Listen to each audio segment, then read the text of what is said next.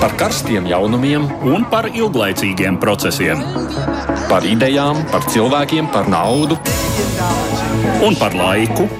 Par abām mūsu planētas puslodēm, un lietojot abas smadzeņu puslodes. Ēterā raidījums divas puslodes. Šī iespēja nozīmē to, ka ir pienācis laiks ikdienas raidījumam, kas ir veltīts notiekošiem ārpus Latvijas. Mani sauc Aits Tomsons, labdien!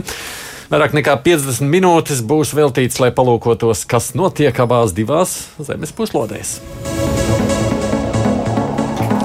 Šis būs gaužām neparasts raidījums. Otrs līdzautors Edvards Līniņš joprojām ir atvaļinājumā, lai viņam labā atpūta. Taču studijā iedrošinājusies man pievienoties mūsu producente trešā bieži vien uh, vismazāk pamanāmā, bet vissvarīgākā komandas dalībniece Ievzējas sveiki. Es pēc šāda pieteikuma pilnīgi nezinu, ko pateikt. Redzot tevi šai pus studijas stikla. Uh, savukārt, tavu darbu pie telefoniem palīdzēs arī nodrošināt Latvijas raģio viens satura direktora Agita Vērziņa, tādēļ sirsnīgs paldies arī Agitai. Mums šodien atkal būs tāds kā valstu kaleidoskops. Lūkosim, cik atšķirīgs veidojas pasaulē šobrīd situācijas saistībā ar pandēmiju. Nu, mēs redzam, cik dramatiskā aina ir Latvijā, bet nu, pasaulē viss ir krietni raibāk. Vispār tā bija tā ideja jau par to parunāt. Tev šķiet, ka tādas interesantas tendences var pamanīt tajā visā. Man šķiet, interesants tendences, bet galvenais iemesls, kāpēc es ļoti gribēju par to parunāt, ir tas, ka ir skaidrs, ka pie mums paliek sliktāk. sliktāk un tīri intereses pēc apskatīties arī, kas notiek mums apkārt, gan Eiropā, gan mēs paceļosim arī tālāk. Mēs paceļosim līdz Japānai, Austrālijai, ASV un paskatīsimies, kas tur notiek. Un, jā, kaut kādā ziņā tas ļauj saprast, kas mūs varbūt sagaida, no kā mēs varbūt varējām arī izvairīties.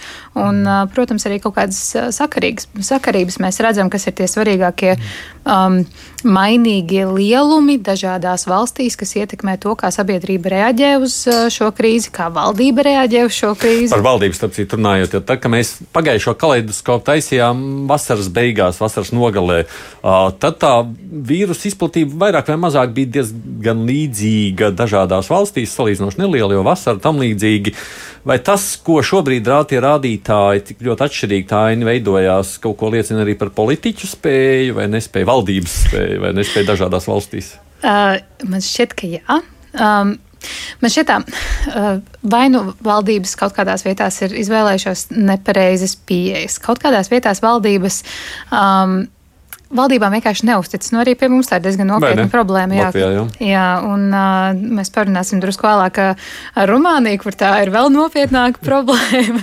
un kopumā man šķiet, ka tie starp tiem svarīgajiem mainīgiem lielumiem viens ir uzticība valdībai, kas ir, protams, ārkārtīgi atšķirīga dažādās valstīs. Mēs redzam, cik svarīga ir izglītība, cik svarīga ir kultūra, sabiedrības sapratne par to, ka mēs esam vienots organisms, ka tas, ko es daru, nav tā, ka attiecas tikai uz mani. Mm. Vēsture ir svarīga arī ārkārtīgi. Un, nu jā, ja tā uzticība valdībai nav, ja tā sapratnes nav, varbūt arī izglītība pieklibot, nu tad nekas cits neatliek kā piespiest vienkārši cilvēks vakcinēties. Mēs sāksim vispirms ar tuvējām valstīm, vispirms pat Eiropā, netālu kaimiņos esošajā Somijā, taču viss ir krietni labāk nekā pie mums. Un pie klausulas ir Ilze Liepiņa Naula. Labdien! Labdien! Kāda tad ir situācija ar saslimstību Somijā? Uh, Somijā es varētu teikt, ka ir ļoti laba situācija. Pagājušā piekdienā tika mainīts uh, no, uh, nolikums par to, kas un kā notiek Somijā. Sakarā ar to, ka 70% no iedzīvotājiem, kas ir vecāki par 12 gadiem, ir uh, vakcinēti, tika atcelti ierobežojumi un ieteikums uh, valkāt maskas ir tikai ieteikumu formā. Un tas nozīmē, ka pašvaldības pašas izvēlās, uh, kurās lieto maskas un kurās nelieto. Un tas ir vienīgais vispār maskas, kas vēl ir palicis? Nu. Man tā liekas, ka jā. Jūs pat nemanāt. Un arī tās daudz, ir pašvaldības. Ja? Un arī pašvaldības. Uh, šobrīd uh, es, es dzīvoju Lomā, Lomā, pie manis ir atbraukuši viesi no Latvijas pieauguši izglītotāji no Kuldīgas puses, un mēs diezgan stā, daudz staigājam pa pašvaldības iestādēm. Un šodien mēs esam kritiskākajā Somijas pilsētā Raumā, kur pēdējo divu nedēļu, nedēļu laikā ir saslimuši 200 cilvēki, bet tas ir vienā fabrikā, tas ir kuģu celtniecības fabrikā, kur pārsvarā ir iebraucēji. Un vismagāk slimo tieši nevakcinētie. Bet runājot par mūsu pašvaldību, kur mēs bijām gan sociālās, gan izglītības iestādēs, viņi lūdzu mums uzlikt maskas. Bērni skolās staigā bez maskām, skolotāji daļa staigā ar maskām, be, daļa bez. Bet tas ir katras pašvaldības nolikumā. Mēs bijām arī privātajos iestādēs, tur mēs maskas nevilkām. Un šodien Raumā mēs maskas diezgan daudz velkam un ejam muzejos un ejam kafejnīcās ar maskām. Mm. Bet vispār jūs sakāt, tas viss ir tāpēc, ka ļaudis vakcinējas? ļoti liela. Jā, valdība pieņem lēmumu atkarībā no statistikas, un statistika šobrīd tāda, ka 70% no iedzīvotājiem, kas vecāki par 12 gadiem, visā Somijā ir vakcinējušies. Jums nav žēl mūsu šeit Latvijā? Ļoti. Man ir jūs ļoti žēl. Un man visgrūtāk ir runāt ar, ar saviem kolēģiem no Latvijas, jo viņi redz, kas notiek šeit, un viņi saprot, ka viņi atgriezīsies tūlīt Latvijā. Mums būtu jābrauc pie jums ciemos, un mēs nezinām, vai mēs varēsim aizbraukt vai nē. Bīstam jau tāda būs pie mums atkal braukt. Bet iemesls, kāpēc tā ir cilvēku attieksme? Man ļoti patīk tas, ko jūs no sākuma runājat par uzticēšanos valdībai. Tas, tas teiciens, ko jūs teicāt, uzticēšanās kā tāda, un tā ir pilnīgi visos līmeņos. Man patīk tas, kas notiek Somijā, kad šī uzticēšanās pastāv.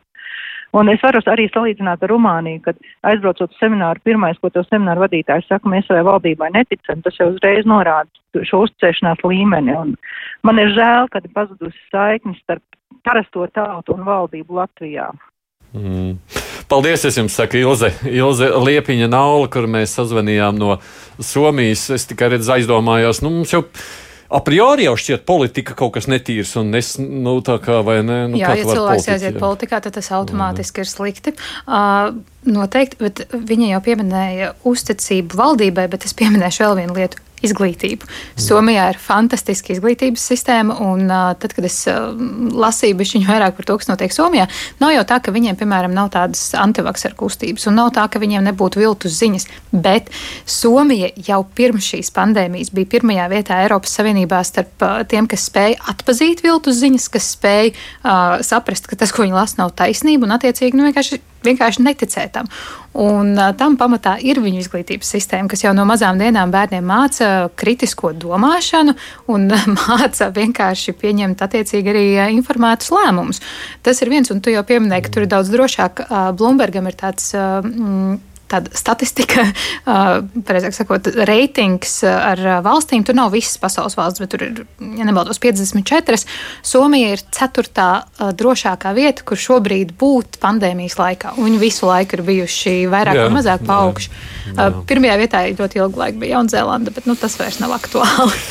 Jā, bet starp citu, pieminētā Rumānija, tur tikko arī krita valdība, jo viņi tur tiešām netiek galā nedz ar slimības līkni, nedz vakcināciju. Viņiem tur ir viss sliktāk nekā pie mums. Tu sazvanīji Rumānijai. Es sazvanīju Rumānijai, jā, mēs runājam par to, kāda viņiem šobrīd ir uh, ierobežojumi. Mēs runājām par to, kāda šobrīd izskatās dzīves. Uh, sazvanīju uh, mūsu kolēģi, uh, žurnālistu. Uh, tas bija, es ļoti atvainojos, uh, Marijans Vojku. Un uh, tad nu, sākumā viņam to arī vaicāja, kā, kas šobrīd ir aktuāls Rumānijā ikdienas dzīvē. Well, there are two uh, categories of, of people now. The vaccinated one and Šobrīd ir divu kategoriju cilvēki - vakcinētie un nevakcinētie. Pie mums vakcinācijas aptveri ir ap 28-29%, tikai pie bulgāriem ir vēl zemāki rādītāji - ap 22-23%, un arī pie viņiem ir politiskā krīze. Kopš sestdienas ir spēkā atsevišķi ierobežojumi, bet katra pašvaldība pati nolēma, kādi noteikumi ir spēkā, un šobrīd tikai lielajās pilsētās ir ierobežojumi. Tu nevari atrasties uz ielas pēc astoņiem vakarā, ja tu neesi vakcinēts, vai ja tev nav ļoti nopietna nepieciešamība pamest mājas, piemēram, doties pie ārsta vai uz darbu. Bāri un restorāni ir slēgti nevakcinētiem cilvēkiem. Cilvēkiem ir jābūt vai nu Rumānijas vai Eiropas zaļajam certifikātam, lai tiktu iekšā. Tas, protams, dažus cilvēkus ir ļoti sadusmojis, un sestdien mums bija liels protests ar aptuveni 30 tūkstošiem cilvēku. Pirms vasaras viņi izgāja ielās katrus pāris mēnešus. Tie ir cilvēki, kas iebilst vakcinācijai, saka, ka valsts praktizē medicīnas diktatūru. Tie ir cilvēki, kas saka, ka šī ir antikristu valsts un tā neļauj cilvēkiem doties uz baznīcu. Nākamnedēļ mums ziemeļos būs lielākie reliģiskie svētki valstī, kur pirms pandēmijas pulcējās pusmiljons un pat miljons cilvēku, lai pielūgtu svēto Paraskevu. Pagājušajā gadā bija liels konflikts starp uzraugošajām iestādēm un ticīgajiem. Tāda šobrīd ir ainava Rumānijā. Kad skatāmies uz vakcināciju, kas tavuprāt ir būtiskākie iemesli zemajai vakcinācijas aptverē? Pie mums to saista ar zemo uzticību valdībai, un ir pat stāsti no ārstiem slimnīcās, ka smagi saslimuši cilvēki tieši tāpēc nesot izvēlējušies vakcinēties. Kā ir pie jums? Yes, we have similar stories, of course. I think that the Jā, pie mums arī ir dzirdēti līdzīgi stāsti. Es domāju, ka mūsu līdzīgā vēsture te ir pie vainas. Mēs un mūsu kaimiņi Bulgāri esam ļoti aizdomīgi, īpaši pret valdību. Un tam ir sakars ar mūsu senāku un arī nesenāku pagātni, tā izskaitā mūsu valdībām pēdējo 30 gadu laikā. Mēs neusticamies nevienam. Tikai aptuveni puse pedagoģi ir vakcinējušies. Ir daudzi ārsti un māsas, kurām nepatīk šīs vakcīnas. Un viņiem ir daudz pamatojumu savam viedoklim. Tie ir galvenie iemesli. Un tas, protams, ir palīdzējis daudzām konspirācijas teorijām. Ziniet, mēs esam ļoti efektīvi šajā lauciņā. Konspirācija teorijas ir mūsu Eiropas daļas pasakas, un mums ir arī sava specifiskā politiskā situācija, kas varbūt līdzinās tai, kas ir Bulgārijā. Pēdējo sešu mēnešu laikā viena no koalīcijas partijām bija ļoti fokusēta uz iekšējām vēlēšanām, un tur sacentās bijušais premjers ar amatā esošo premjerministru. Tāpēc pusgadu viņa aizmirsa par valsts vadīšanu un apbraukāja Rumāniju, lai pārliecinātu savus kolēģus, ka jābalso par viņiem. Pirms mēneša bija spriedzi koalīcijā, un viena no valdības partijām to pameta. Pirms divām dienām valdība neizturēja uzticības balsojumu. Tā kā mums ir tehniskā valdība, un redzēsim, kas mums vēl ir priekšā. Tie ir divi no iemesliem. Un mums šeit ir tāds populārs joks, ko dara rumāņi, kad beidzas ārkārtas situācija. Viņi dodas brīvdienās. Un pagājušā gada 1. maijā valdība sacīja, ka cilvēki var doties pie jūras, jo tad parasti tiek atklāta sezona. Un, protams, Covid-19 infekcijas septembrī un oktobrī strauji pieauga. Šogad notika tas pats. Maijā, jūnijā premjerministrs sacīja, ka pandēmija ir beigusies, viss ir kārtībā, tāpēc neuztraucieties, mēs tiksim galā. Un, ja tu devies brīvdienās uz kādu no kurortiem pie jūras vai kalnos, tad bija tāda sajūta, ka pandēmija nekad nav bijusi. Protams, tagad, tieši tā kā zinātnieki paredzēja, ceturtais vilnis ir klāt. Valdībai bija viena alga, un tagad mēs esam vienā no sliktākajām situācijām pasaulē un, protams, arī Eiropā. Katru dienu mēs sasniedzam jaunus rekordus mirušo ziņā. Vakar nomira 331 cilvēks un atklāti ap 15 tūkstošiem jauni infekcijas gadījumi. Un cilvēki saka, ka šis vēl nav pīķis. Varbūt oktobra beigās katru dienu varētu atklāt ap 20 tūkstošiem jaunu infekcijas gadījumu. Tātad mums ir politiskā krīze, aizdomīgi prāti un vasaras brīvdienas, kad aizmirsām par noteikumiem. Tie ir galvenie iemesli šī brīža situācijai. To forget about rules and so on and so on. I think that's the are the main reasons. Mēs iesākām ar ārkārtīgiem kontrastiem. Tā kā diena pret nakti, vai ne? Bet nu, mēs esam šajā Rumānijas pusē paši. Tuvāk, mēs esam tuvu tam, uh, ja nemaldos, tad Vienā no intervijām mūsu veselības ministrs vakar sacīja, ka nu, sliktākais variants, kas var notikt, ir Rumānija. Rumānija mūsu gadījumā nu, Izskatās, jau ka uz to arī ejam. To ejam jā, jā. Bet nu, arī redzēja, bet tur vienīgais tur jau valdībai, nu, tur nebija jāuzticas valdībai. Premjeras pats teica, ka viss ir kārtībā. Visi... Premjeras pats teica, ka viss ir kārtībā, bet tas, kas man likās ārkārtīgi interesanti, kad viņiem, piemēram, paskatās uz to vakcināciju pašā, pašā sākumā, viņiem gāja tīra labi. Nu, tas, tas, tie cipari izskatījās ļoti līdzīgi kā citur Eiropā.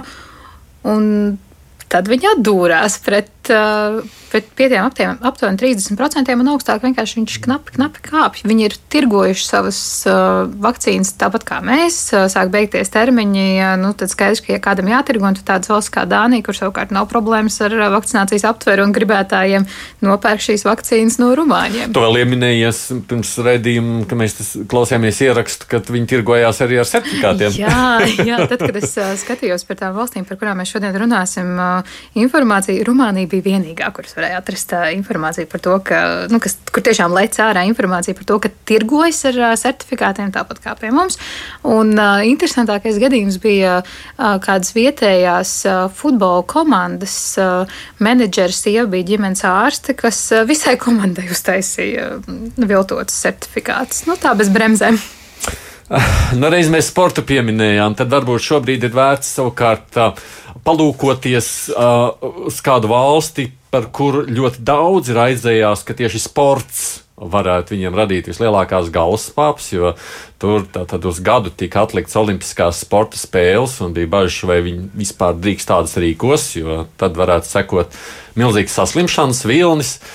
Tas jautājums, protams, ir, kāda situācija ir tur, un tā tad runa ir par Japānu. Mēs esam šobrīd sazvanījuši Japānā latviešu runājošo Daiki Horiguchi. Labdien, Daiki! Prieks jūs atkal dzirdēt! Labdien!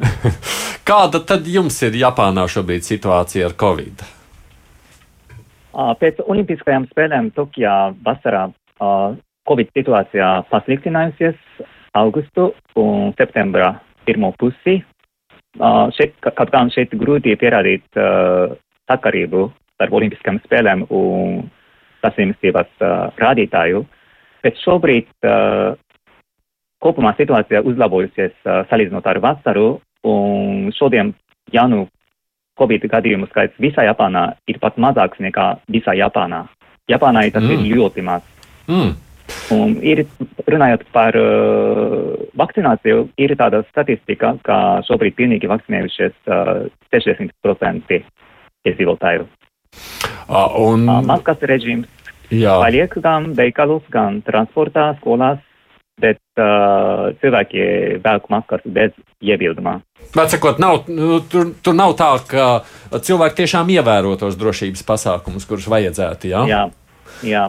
Un runājot par to uzticību valdībai, protams, daudziem no mums nepatīk tas, ko dara valdība, bet es nezinu, vai tas ir slikti vai labi, bet vienkārši mēs esam paklausīgāki, pat, paklausīgi un ievēro to, ko saka mm. valdība. Var sakot, ja saka, ka vajag, tad dara. Vajag, jā. Bet vispār ļaužu noskaņojums pret vakcīnām kāds ir? Nu, 60% būs vairāk, nu, jo mums jau Latvijā lēzēm šķiet, ka apstājās.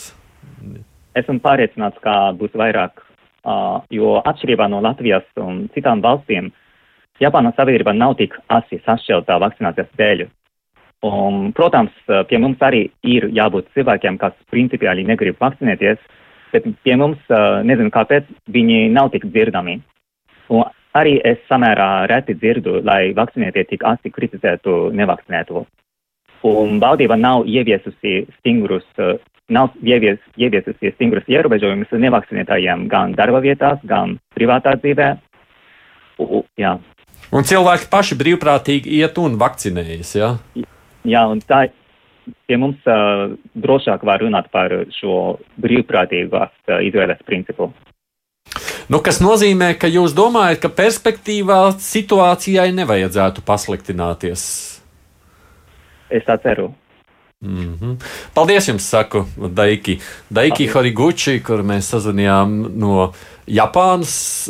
Nu, redzi, Mēs te runājam Latvijā, piemēram, par to sezonalitāti. Vasarā nav, ziemā ir. Japānā vasarā bija, tāpēc, ka bija spēles. Ne? Tu vai tāpēc, ka bija spēles, vai, vai, bet arī citās valstīs mēs vēlāk pievērsīsimies arī ASV. Tur arī Jā. vasarā tas vilnis bija pamatīgs.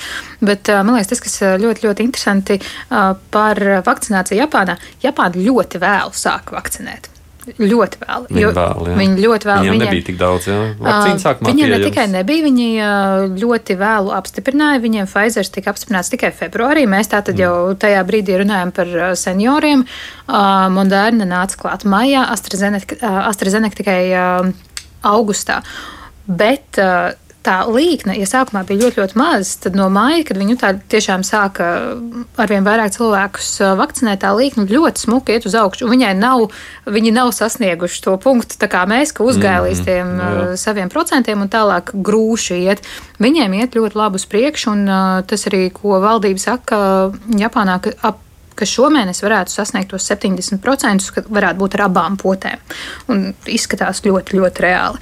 Bet uh, tas ir tas, ko arī Mums tikko teica, ka viņi ir paklausīgāki, un man šķiet, ka šeit ir arī jautājums par uh, sabiedrības kultūru. Es atceros tādu uh, salīdzinājumu starp uh, rietumniekiem un japāņiem. Um, kāpēc rietumnieki klausās mūziku austiņās, lai citi netraucētu man. Kāpēc Japānā cilvēki klausās mūziku austiņās, lai es netraucētu citiem. Respektīvi, tā doma par to, ka tu esi nu, daļa no sabiedrības un tev ir jāiekļūst tajā sabiedrībā, un tev ir jābūt šūniņai no tās sabiedrības, tā tomēr tur iekšā ir, kas varbūt rietumniekiem mazāk izteikti. Bet, nu, skatoties arī uz rietumiem, mēs redzam, ka ir valstis, kurās ar visu šo domāšanu nav Jā. problēmas ar vakcināciju. Tā bija Somija, bet otra neapšaubām, ja mēs tā runājam par rietumiem, ir vērts pieminēt Portugāli, kas nu, faktiski viņi ir arī kļuvuši būtībā šobrīd pionieri vakcinācijā. Jo, no, jebkurā gadījumā uz viņiem daudzi skatās ar zināmu skaudību. Uh, pie telefona klausulas ir šobrīd doktora Lilita Cukur, kur mēs jau arī vairāk kārt sazvanām. Cukuras kundze, labdien! Labdien! Nu, kā tad ir, kāda ir statistika skatoties uz Portugāli ļaužu attieksmi?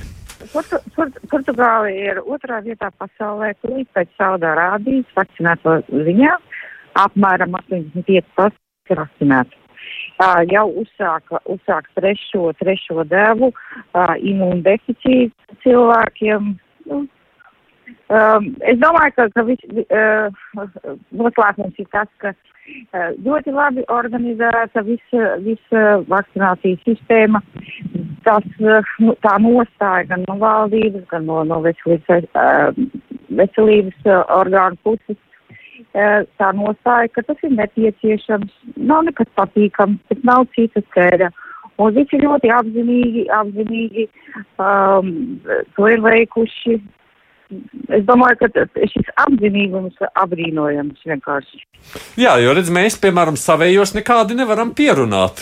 Kāpēc jums tur sanāk? Jā, jā, tur, tur, tur sākās, tur, nu, es nezinu, es domāju, ka tāpēc, ka no paša sākuma bija tāda viena nostāja. No paša sākuma gan valdība, gan veselības ministra un uh, veselības uh, departamenta direktora stājās katru dienu uh, televīzijā, katru dienu runāja ar tautu. Un, un visiem no paša sākuma bija skaidrs, ka nav, otra, nav cita ceļa. Nav cita ceļa, kā vienīgi uh, pēc iespējas masveidīgāk un pēc iespējas ātrāk vakcinēties. Un, uh, un tas, ka baidītu ar, ar aizliegumiem, tas, tas pilnīgi savādi. Es pat biju uh, Latvijā un man pārsteidza, man, man vienkārši pārsteidza. Pirmkārt, uh, daudz cilvēku attieksmi, otrkārt arī tās. Tie aizliegumi vai atļāvumi sabiedriskajās vietās. Nu kā, nu šeit ir noteikti labi. Uz ielas tagad vairs nav jāvalkā maska. Bet visur, kur mēs atrodamies, iekštelpā maska ir jā, jāvalkā, neskatoties uz to, vai tu esi vakcinēts vai nē. Tā ir tāda aizsardzības sistēma. Palēnām, palēnām visi ierobežojumi tiek atņemti, bet ļoti palēnām. Un cilvēki nesā, un, un, cilvē, un, un cilvēki valkā maskas. Jā, cilvēki, cilvēki uzklausa, un, un ja viņiem tā ir teikt, tad acīm redzot, mm, nu, tā ir pareizāk, un, un katrs, katrs no jauna neizgudro divdien, kā smējies. Bet uh, nu, vēl jau jautājums ir par to, ka mēs Latvijā vispār neticam viena daļa, ka tāda slimība vēl ir. Mums jau te dzied dziesmiņas par pandēmijas, kuras nav. Vai Portugālē šādas šaubas jā, ne, nu, nemēdz? Nav vispār? Nē, nē, nē, šādi nu, es negribu teikt, ka nav neviena cilvēka, kas, kas, kas nedomātu citādi, bet uh, lielākā daļa uzticās zinātnē, uzticās, ka ir kāda, uh, ka, tas, ka tas ir pareizāk. Nu, es, piemēram, nevaru zināt visus, visus mehānismus, kā darbojas, kā kas darbojās. Nu, es zinu lielos vilcienos, jā, šis vīrus ir, ir ļoti lipīgs, šis vīrus uh, mīl plaušaudus un sirds, un sirdi, kas ir dzīvībai svarīgi orgāni. Un, nu, nav alternatīvas. Nevar filozofēt, ka, ah, tikai gripa. Nu, gripa, kas, kas uh, dzīvo galā, nu, nekāda vaina. Nu, tā patiešām pāriet un, un viss. Un, tā, un tāpat cilvēki vakcinējās, lai, lai nesāsinātos hroniskās slimības. Ir taču zinātnieki e, izpētījuši, ir taču kādi pētījumi šajā sakarā. Kāpēc tos apšaubīt? Man liekas, savādi. Vēl pēdējais jautājums. Tā kā jūs esat tomēr dakteri, mums jau te daudziem bail vienkārši ir no, no tām blaknēm, nu, ka tur būs slikti pēc vakcinācijas un tāpēc. Jā, nu, blaknes, blaknes ir, visi, visi ar to rēķinās un, un, un, un pirms ievadīt vakcīnu, visi tiek brīdināti, jā, ka iespējams būs blaknes. Bet šīs blaknes neapšaubām mazāk bīstamas uh, nekā slimība. Paldies, es jums saku, dak... nu, jā, jā. Jāizvērtē, jā. Nu, jā, doktere Lilīta Sukur, kur mēs sazvanījām uh, Portugālē. Kā tu attieksmi Latvijā dabūt?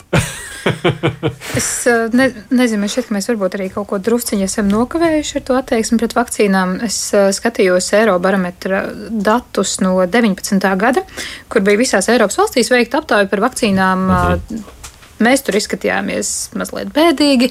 Portugāla tur izskatījās ļoti labi. Tur pēc tiem datiem bija tikai 4% portugāļu domā, ka vakcīnas ne, netiek pietiekami pārbaudīts.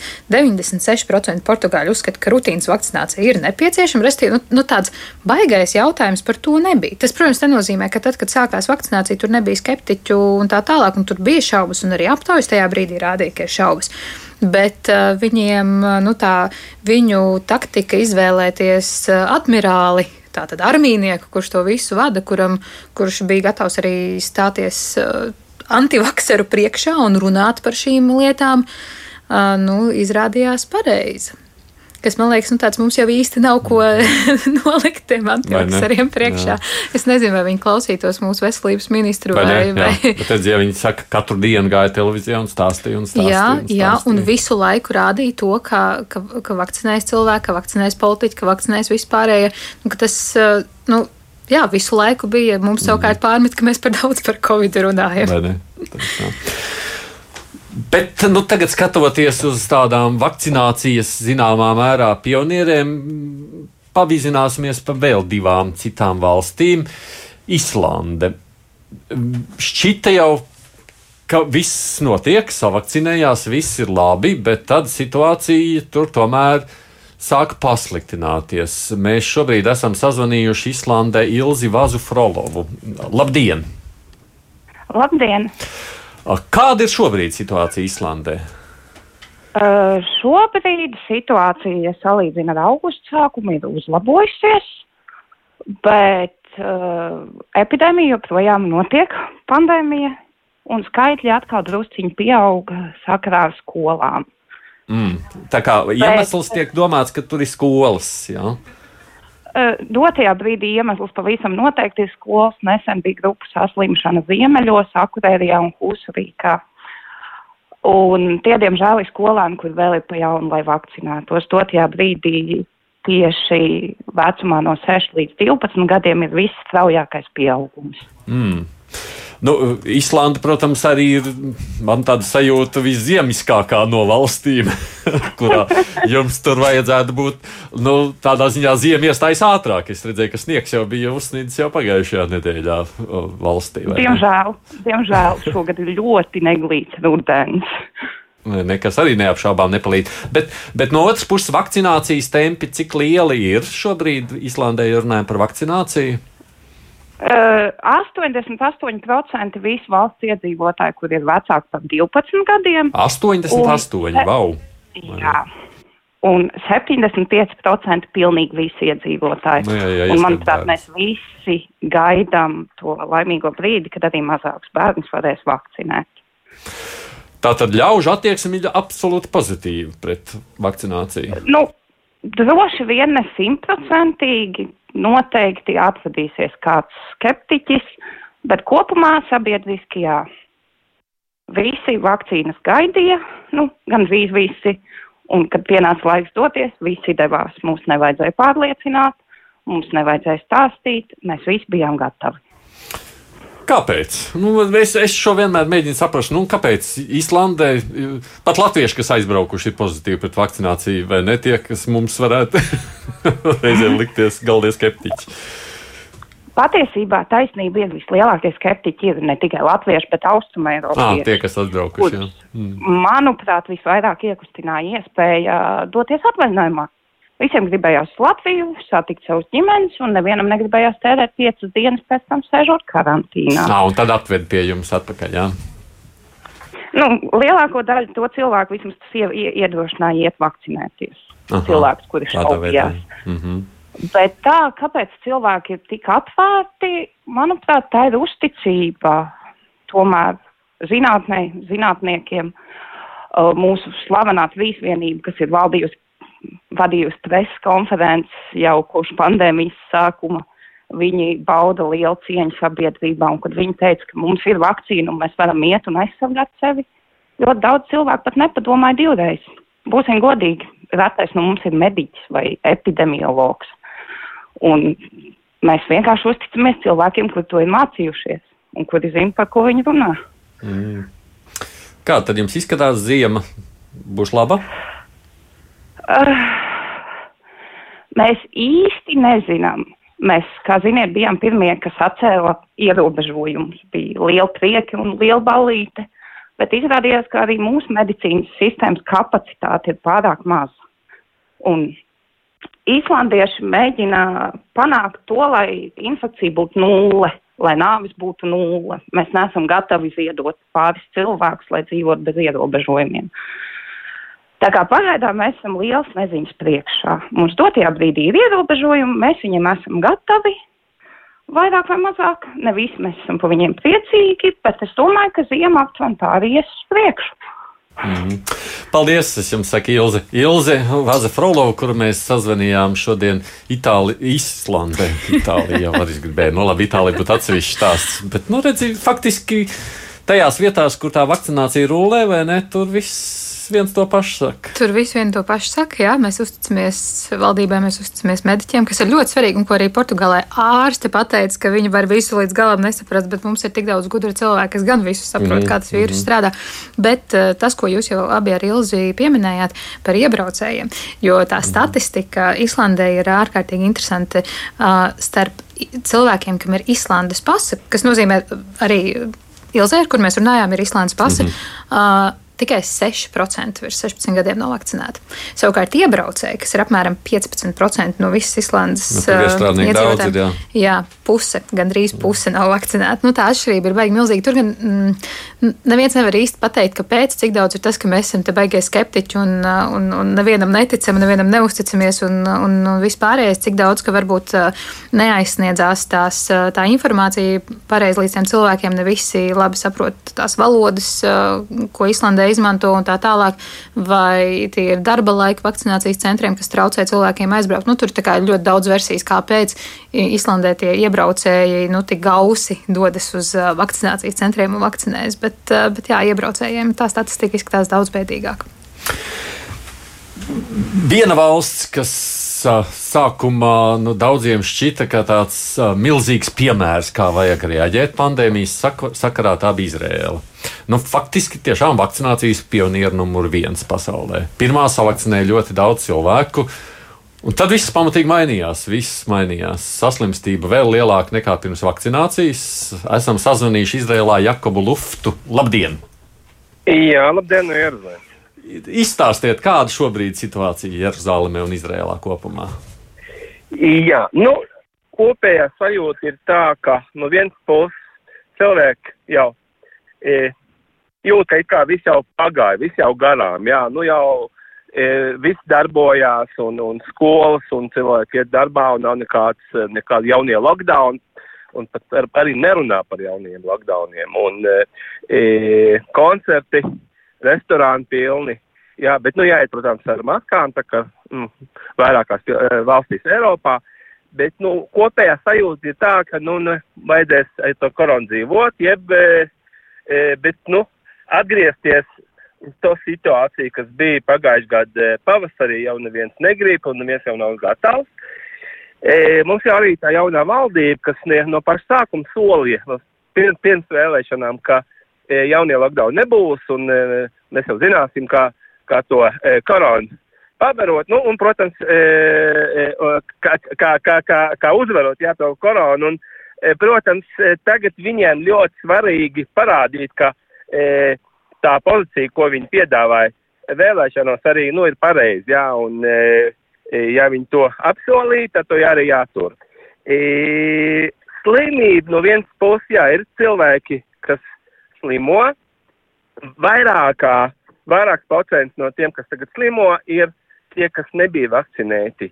Es runāju par tiem, kas tagad, teiksim, no statistiku, ko es šodien tikai redzēju, jā, jā. uz šo brīdi slimnīcā, slimī, Izraels slimnīcos ir 489 grūti, slimie, kas grūtā stāvoklī. Lielākā daļa no tiem ir cilvēki no 65 gadu un, un tālāk, un lielākā daļa no jauniem cilvēkiem, kas arī tagad atrodas grūtā stāvoklī slimnīcās, viņi nav vakcinēti. E, izskatās tā, ka e, nu, tā, tā, tā vakcinācija strādā, darbojas. Uh, bet vispār sākotnēji jau šķiet, ka jūs tur nu, ļoti rulējat, un tomēr palika diezgan daudz, kas nevakcinējās. Vai ne? Jā, mums jau ir, um, nu, man pašām arī es jau e, esmu trešo reizi vakcinējies e, mēnesi atpakaļ. E, mums uz šo brīdi ir kaut kur 40% no visiem Izraels iedzīvotājiem, kas jau trīs reizes vakcinēti, un kaut kur vēl 20, aptuveni 25%, kas e, divas reizes vakcinēti. Nu, ap 65%. Jā, bet tomēr 35% nevakcinējas. Kāpēc? Jā, e, tur jāņem vērā, ka tur mazi bērni, un e, arī tā, ka e, ir tie, nu, kā arī, kā arī visur pasaulē, arī Izrēlā ir tie e, vakcinācijas skeptiķi, jeb e, koronas skeptiķi. E, daudzi atrodas e, nu, arābu e, kopienā Izrēlā, e, e, arī starp ortodoksiem ir tādi, kas nevakcinējās. Ir visādi ideoloģiskie e, e, skeptiķi, kas, e, protams, runā par visādām tur e, dumībām, ka, nu, e, par to, par to e, par čipiem un tā tālāk, nu, bet e, tas nav, tas ir mazākā daļa, bet e, ir, ir ideoloģiskie e, vakcinācijas skeptiķi, un ir arī tie cilvēki, kas pārslimoja, tie, kas slimoja, viņiem, e, nu, viņiem jātais tikai vienreiz to vakcinu, jā, to jā. vakcinēs tikai vienreiz, jā, un viņiem tas, e, viņi saņēma arī tā e, citu e, Covid pasi, Un, e, jā, nu tā par to Covid pasu arī, jā, mums it kā Izrēla e, kādu jau mēnesi atpakaļ e, bija paziņots, ka Izrēla ar Eiropas Savienību sarunājas par e, e, Covid pasu, Eiropas un Izrēlas Covid pasu e, e, starptautisko atzīšanu. Un e, es jau tikko atbraucu no Francijas, biju Francijā un Vācijā, un visur, teiksim, kafejnīcās, jeb restorānos, viesnīcās, visur, kur prasītu Covid pasi, viņi atzina arī Izraels Covid pasi. Jā, mēs arī ceram, ka drīzumā būs arī turisti no ārzemēm. Mēs jau divus gadus, kad divus gadus dzīvojam šeit bez turistiem no ārzemēm Izrēlā. nu, labi. Paldies, Jakob. Jakobs Lufts, kur mēs sazvanījām Izrēlā. Nu, redz, Izrēla, protams, ir sarežģīta krietni gan reliģiski, gan nacionāli, vai ne valsts. Politiski, jā, ļoti, ne, protams, un tas, ko jau minēja par to, ka Arābu vidū ir ļoti maz tas vakcinācijas procents.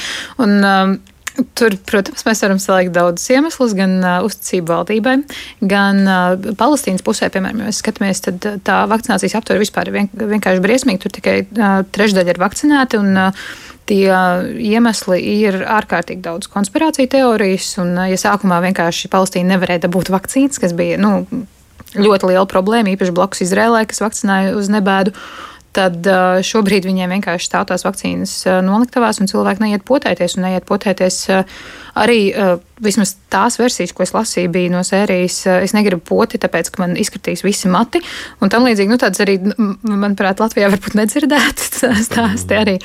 Un, bet tas, ko mēs varam pateikt, varbūt paldies Izrēlai kopumā, ka viņi tik ātri nodrošināja to savu, savas populācijas vakcināciju, ka tas ļauj arī citām valstīm paskatīties un saprast, ko mēs varam sagaidīt. sagaidīt jo tieši nu, tāpat, kāpēc mums ir tas lēmums par to, ka trešā pote ir 65, plus, jo Izraēlas dati parāda, ka tur to vajag. Jo arī, nu, Jo viņu hospitalizācijas un tā tālāk ļoti, ļoti ātri parādīja, ārē, kur mēs pirmos seniorus sapotējām, viņi nāk uz slimnīcu, viņiem, mm, viņiem prasās tā kā trešā. Jā. Un tas, ko var vēl par šo vilni pateikt, ka, kurš tagad jau iet uz beigām, uh, ka Izrēlā jā, gadījumu vairāk, bet nāvju uz pusi mazāk, un tas ir baigi, baigi svarīgi. Un tas tomēr parāda to, ka tās vakcīnas, viņas nav ideālas, bet viņas palīdz. Pat ar divām, pat ar, pat ar divām, divām tikai. Pat ar divām tikai, vai ne? Es saku arī paldies visiem tiem klausītājiem. Man te nāk dažādi, tema, nu, dažādi komentāri. Tālāk raksta kā par Japānu, kā tur pēc Olimpiskajām spēlēm tomēr bija tiešām slikta situācija. Un tad arī nu, dažādi viedokļi no klausītājiem. Es saku paldies, ka jūs komentējat. Bet domājot par to nākošo sarunu, Man nāk prātā sazvanīšanās par šo pašu tēmu decembrī, tā, mēs arī skatījāmies, kas notiek dažādās pasaules valstīs. Toreiz pārņēma skaudība, kā Austrālijā, kamēr mums te bija lockdown, tur viss kompānijā svinēja Ziemassvētkus zem palmas, baudot siltu vasaras vakaru. Tur bija sajūta, bija komandas stunda. vai ne? Viņi kā viss cits planētas apmēram tur, vai ne? Tagad tur ir bijusi ziema, vai ne? Mm -hmm. Un mhm. viss vairs nav tik rožaini. Nav, nav. Es pirms rādījuma sazvanīju Lindu Graudiņu, ar kur mēs sazvanījāmies arī tajā vecgada vakarā. Viņi dzīvo Viktorijas štatā, Melnburnā, kur šis ir jau sastais lockdown viņiem. Viņa nevarēs braukt tālāk par 15 km no savas mājas. Um, jā, viņa strādā slimnīcā par farmaceitu, līdz ar to um, saruna sāk ar to, ka viņi nu, mazliet pastāstīja par to, to kā Covid-19 pandēmija izskatās Austrālijā no slimnīcu skatu punkta. Tieši slimnīcā ir 1500 pa visu Austrālijā. Um, Pusi no viņiem gandrīz ir Viktorijā, kur ir um, es dzīvoju Melburnā, mazāks procents, bet tomēr diezgan daudz, gandrīz 300 cilvēki ir reanimācijas uh, nodaļās.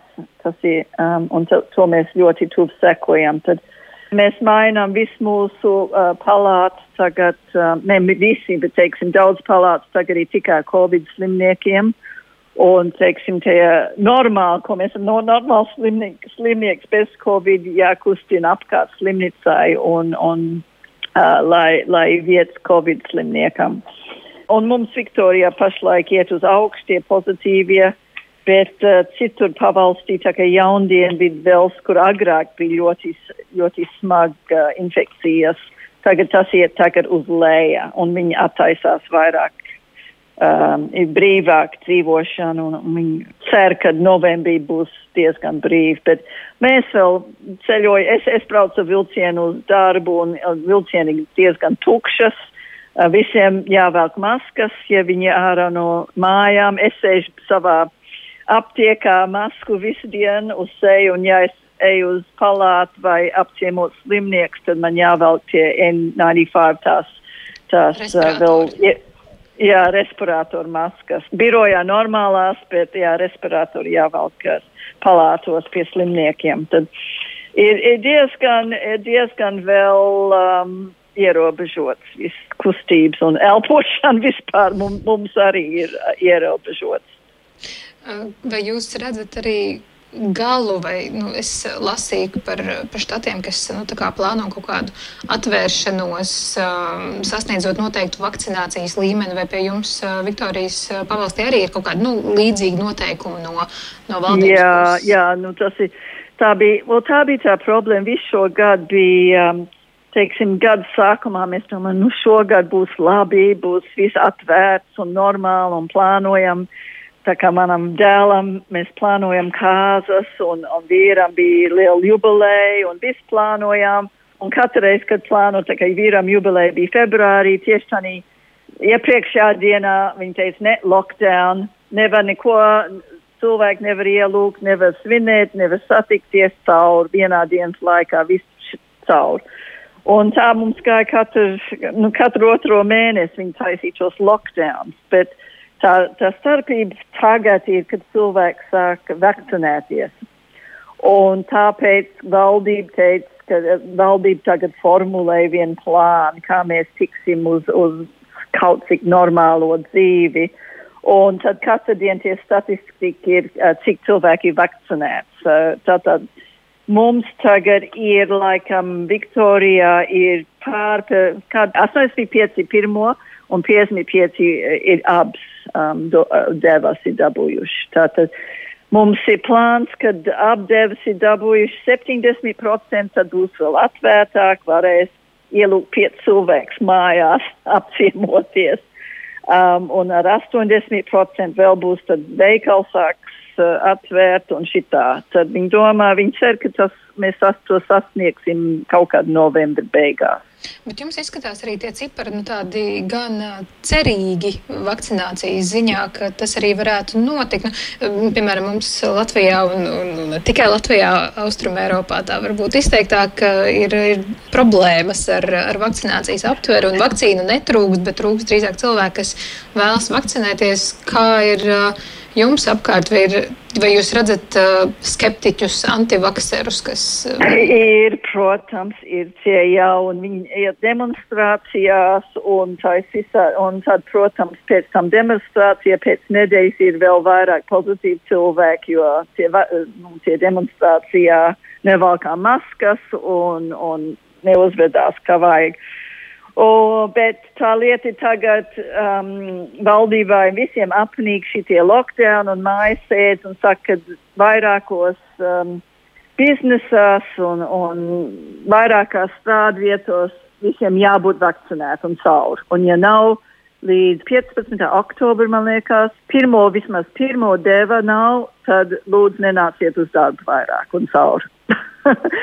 un tāpēc mēs domājam, ka būs tagad um, cilvēki ies tomēr um, vakcinēties, un viņi, viņi domā, varbūt 10% gal galā atteiksies un nedarīs, bet tā cerība ir, ka vairāk par 90% būs um, gada beigās būs vakcinēti, un, un tad nebūs vairs tie ierobežojumi. Jo, jo mums visiem apnīk, un, un tas nav godīgi, ka daži cilvēki dēļ um, mums šeit jāsēž mājās, vai ne? Nu, klausoties Austrālijā, bija tuvāks sajūtas. Likās, nu, redz, ne visur ar apzinīgumu tiek galā, vai ne? Tas ir tiešām neteikt, tur dažreiz arī jāpiespiež, vai ne cilvēki. Un, uh, es uh, domāju, ka varbūt ka tas ir arī ceļš, uz kuru mums jāskatās. Nu, ja citādāk nesaprot, lūdzu, re, kur ir datums, ja nē, nu, tad nenāc uz darbu. uh, bet, uh, jā, par Austrāliju tas, kas arī ir uh, šim vilnim, šis vilnis ir tiešām, viņiem vilnis ļoti, ļoti augsts, ir daudz augstāks. Nu, tie saslimstības rādītāji daudz sliktāk nekā bija iepriekšējie, bet atkal nāvis ir uz pusi mazāk nekā iepriekšējā reizē ar visu to, ka saslimstība ir augstāka. Un, nu, tas kārtējo reizi parāda to, ka tās vakcīnas strādā, ka viņas palīdz joprojām nav ideāls, bet palīdz. Uh, tas ir viens uh, par Austrāliju. Vēl viena lieta, ko gribās pateikt, ir, ka Austrālija ir viena no tām Rietumēropas. Rietumēropas, ne, bet rietumu valstīm, kas uh, vēlas redzēt, ka Covid-19 vakcīnas ir brīvas no patentiem, Jā. Arī ASV ir iestājusies par šo uh, jautājumu. Ties, uh, viņi varbūt vēlāk iesaistījās šajā spēlītē. Viņa ap māju pateica, ka, ka, jā, ka gribētu no patentiem brīvu. Tas nekas, ka pirms tam viņi negribēja eksportēt šīs uh, vakcīnas ārā no ASV. Uh, Eiropas Savienība savukārt iebilst. Un, eh, nu, tur, tur, tur ir, protams, kašķis starp, eh, starp partneriem. Un, uh, tie noteikumi, kas šobrīd ir spēkā, kas ir Pasaules tirzniecības organizācijas noteikumi, nosaka, ka vakcīnas recepte 20 gadus ir aizsargāta. Mm -hmm. uh, Eiropas Savienība savukārt, kad uz to skatās, tad vairāk runā par to, ka būtu jāierobežo vakcīnu eksporti. Kā mēs zinām, Urzula Fonderleina arī savā ikgadējā uzrunā teica, ka rekur mums ir 700 miljonu dozes uz to brīdi. Uh, nu, nonākušas Eiropiešu plecos, un tikpat mēs esam arī eksportējuši, kas arī ir svarīgi. Uh, tas ir viens. Uh, un, uh, Otrs, ka vajadzētu paplašināt sadarbību starp vakcīnu ražotājiem un potenciālām ražotnēm dažādās vietās. Un šeit vēl viena lieta, ko var piebilst, ka tas, ka mēs nododam recepti, jau nenozīmē, ka cilvēkiem uh, citās valstīs būs arī tās tehnoloģijas un, uh, un zināšanas, lai tās receptes varētu īstenot. Ja es tev aizsūtīšu kādu tortes recepti, tas nenozīmē, ka tev būs cepešs krāsnes un sajēga par to, kā biskvītu uztaisīt. Nu, tā būtu atsevišķa diskusija. Tu pieminēji ASV, un to arī mēs nevaram apiet. Tā pēdējā valsts, kur mēs šodien vēl sazvanām, jo tur arī ir raibaina, man cik es saprotu. Esam sazinājuši Sandiju Bejotu Hjūstonā, kas vada latviešu diasporu. Tur, hallo, labdien! Vai labrīt? Labrīt, labrīt. labrīt jā, gadījumā labrīt. Pie manis vēl tikai 8 rīts dienas sākuma. no, jā, pareizi, jā. Viens gals nakts, otrā rīts. Uh, kāda ir jums jā. situācija jūsu pusē? Mums, es domāju, tā teikt, viss ir vismaz Teksasā. Ir, protams, ir jautājums par ASV un ir jautājums par Teksas, vai ne? Tās ir 50 mini uh, valstis vienā lielā valstī ietverts, kur ir atkal sava pašvaldība ar citiem nolikumiem jā, un, un likumiem jā, jā. un uh, uzskatiem. Ir īpaši iedzīvotāju uzskatiem. Teksasā ir praktiski viss ir vaļā. Um, pasākumi notiek, uh, pat manā darbā. Nākošais nedēļa plānojam pasākumu 500 cilvēkiem. Uh, Oficiāli Teksasā maskas nav obligāti jāvalkā, bet, ko es redzu, tas ir parasti privāts, vai tas ir uzņēmums, vai tā ir uh, privāta iestāde, vai tā ir banka, vai tas ir restorāns, un, protams, tās vietas attiecīgi regulē vai nosaka, vai maskas ir obligātas. Un ir, protams, iedzīvotāji, kuri valkā maskas visu laiku, es domāju, izējot no mājas, vai ne līdz atgriežoties mājās, tad es redzu cilvēku mašīnā braucot, brauc ar maskām. Uh, bet ir tādi, kuri uzskata pavisam savādāk, kad viņi ir potējušies, un ar to arī, tā teikt, viss beidzās, kad ne, es varu masku nevilkt. Uh, un, kā es dzirdēju iepriekš, arī no Austrālijas ir, ir daļa cilvēku, kuru, kuri negrib un uzskata, ka tās ir viņu cilvēku tiesības, kad uh, neviens nevar uzspiest viņiem, uh, tā teikt, nevienu potu, ne otru, ne jau tagad arī šeit ir debats ne par trešo. Cik ir, cik, ir vakcin, cik ir vakcinējušies jūsu pusē? Es domāju, ka, es domāju, ka kāds 70% droši vien. Nā, tomēr ir. ar visu to. Ar visu jā. to tomēr, jā, jā, jā. Es, es, es bija ļoti diskusijas, protams, par bērniem, kas visur pasaulē bija, vai ne, vakcinācijas pieeja viņiem, jo ar delta rādītājiem tieši bērnu skaits saslimušo bija ļoti liels, lielāks kā pirms tam. Kā tas bija ļoti personīgs jautājums visiem tiem, kam ir bērni, protams, tas uzreiz pavisam sagriezās citā un cik plānā. Liels, un cik liels ir tas saslimšanas līmenis, cik daudz slimo? Um, es zinu, Teksasā tagad, man liekas, es skatījos vakar, uh, cik mēs bijām um, procentuāli samērā maz. Teksasa ir ļoti liels štats, vai ne? Šeit ir 30 miljoni iedzīvotāji. Tā kā mēs runājam procentuāli no 30 miljoniem iedzīvotājiem, es skatījos no paša sākuma, no paša paša sākuma, tikai ir 63 tūkstoši. Tā kā gada laikā 63 tūkstoši no 4 miljonu iedzīvotājiem procentuāli mazāk. Un man liekas, ka šobrīd es redzēju, ka slimnīcās saka, Teksas slimnīcās ir ap 10 tūkstoši. Mm. Bet jums, piedodiet, vēl pēdējais jautājums, jo mums ir jābeidz. Jums Jā. taču vēl rudens īsti nav Jā. sācies, vēl taču vasara, nē? Nē, nē, es pašai stāvu pie loga un pat man nav pat minimāls rudens noskaņas. Nav pat vai ne? Paldies, es jums Nav. saku, lai jums tur jauka vasaras tālākā baudīšanas. Galvenais labi veselīgi. Jā, vai ne? Galvenais labi Vai ne? Sandijai Bajatai saka, Hjūstonā mums. Bet, nu, redz, tur jau es saprotu, viss vēl grūti saprast. Aina sarežģīta pašā Amerikā. vai Aina ne? sarežģīta, aina ir ā, atšķirīga zilajos un sarkanajos štatos. Principā, ja, ja paskatās to kopējo statistiku par covid gadījumiem ASV šajā deltas vilnī, vidē izskatās labāk nekā iepriekšējā. Bet Tad, kad skatās pa štatiem, tad ļoti labi redzēt, ka tur, kur ir zilie štati, kur ir augstāka vakcinācija, tur uh, gadījumi attiecīgi arī ir maz. Mazāk, jā. Savukārt, sarkanajos štatos ir ārkārtīgi daudz. Un es godīgi teikšu, ka es skatījos vasarā jau uz to, kas notiek republikāņu štatos, un man liekas, tas ir tas, kas mūs sagaida. Jo mēs, nu, tā, tā aina ir patiesībā ļoti, ļoti līdzīga. Un uh, tas, ko es vēl sagaidu, es ceru, ka varbūt, uh, nu, kā skatoties to ASV piemēru, varbūt ka mums kaut kas līdzīgs notiks, ka šim deltas vilnim veļoties pāri sarkaniem štatiem, redzot, kas notiek slimnīcās, redzot, kas notiek ar arī bērniem. Kā mm -hmm. Covid ietekmē bērnus, ka mainījās gan tas, kā runā konservatīvie politiķi, gan konservatīvie mediji, kas pirms tam nu, beigi nespied uz tām vakcīnām. Nu, Skaidrs, tur brīva izvēle un tā tālāk. Un, tā. un beigi neafišēja arī Donalds Trumps. Viņš, mm. -hmm. viņš nepotējās Jā. publiski, viņš to, viņš to izdarīja, viņš to arī pateica, bet viņš to neizdarīja mediju priekšā atšķirībā no Baidena un, mm -hmm. un Harris. Bet, uh, Tagad, pēc deltas varianta, arī tādi prominenti konservatīvie politiķi to ir darījuši publiski, mediju priekšā, ir publiski aicinājuši cilvēkus vakcinēties, ir publiski arī pateikuši, ka šī nu, problēma, kurā mēs esam, ir uh, nevakcinēto dēļ, un tas ir mainījies. Un arī konservatīvie mediji, kas nu, Fox News, protams, kā populārākais, sāk atspēkot uh, tos uh, mītus un, uh, un, un dezinformāciju, kas, uh, protams, arī ASV ir ļoti plaši izplatīta par Covid vakcīnām. Ja, protams, ļoti interesē, kā veidosies situācija Latvijā un kā mainīsies mūsu attieksme, skatoties jā, nu, tos dramatisko ainu, kāda mums šķiet draudi priekšā. Bet es saku paldies Ievai Zeizai par klātbūtni šeit šoreiz, veidojot šo te kaleidoskopu un Agitai Bēžņai par tehnisko sazvanīšanos. Es domāju, mēs tomēr iezīmējām, kas mums ļāva palūkoties nu, es kopsakarības ieraudzīt, kas notiek pandēmija, saslimstība, vakcinācija. Mēs tiekamies atkal pēc nedēļas. Būs cits politiskās aktualitātes, gan jau Edvards Liniņš būs atkal studijā, bet šoreiz arī te bija iesaistīts Tamsons. Tiekamies pēc nedēļas.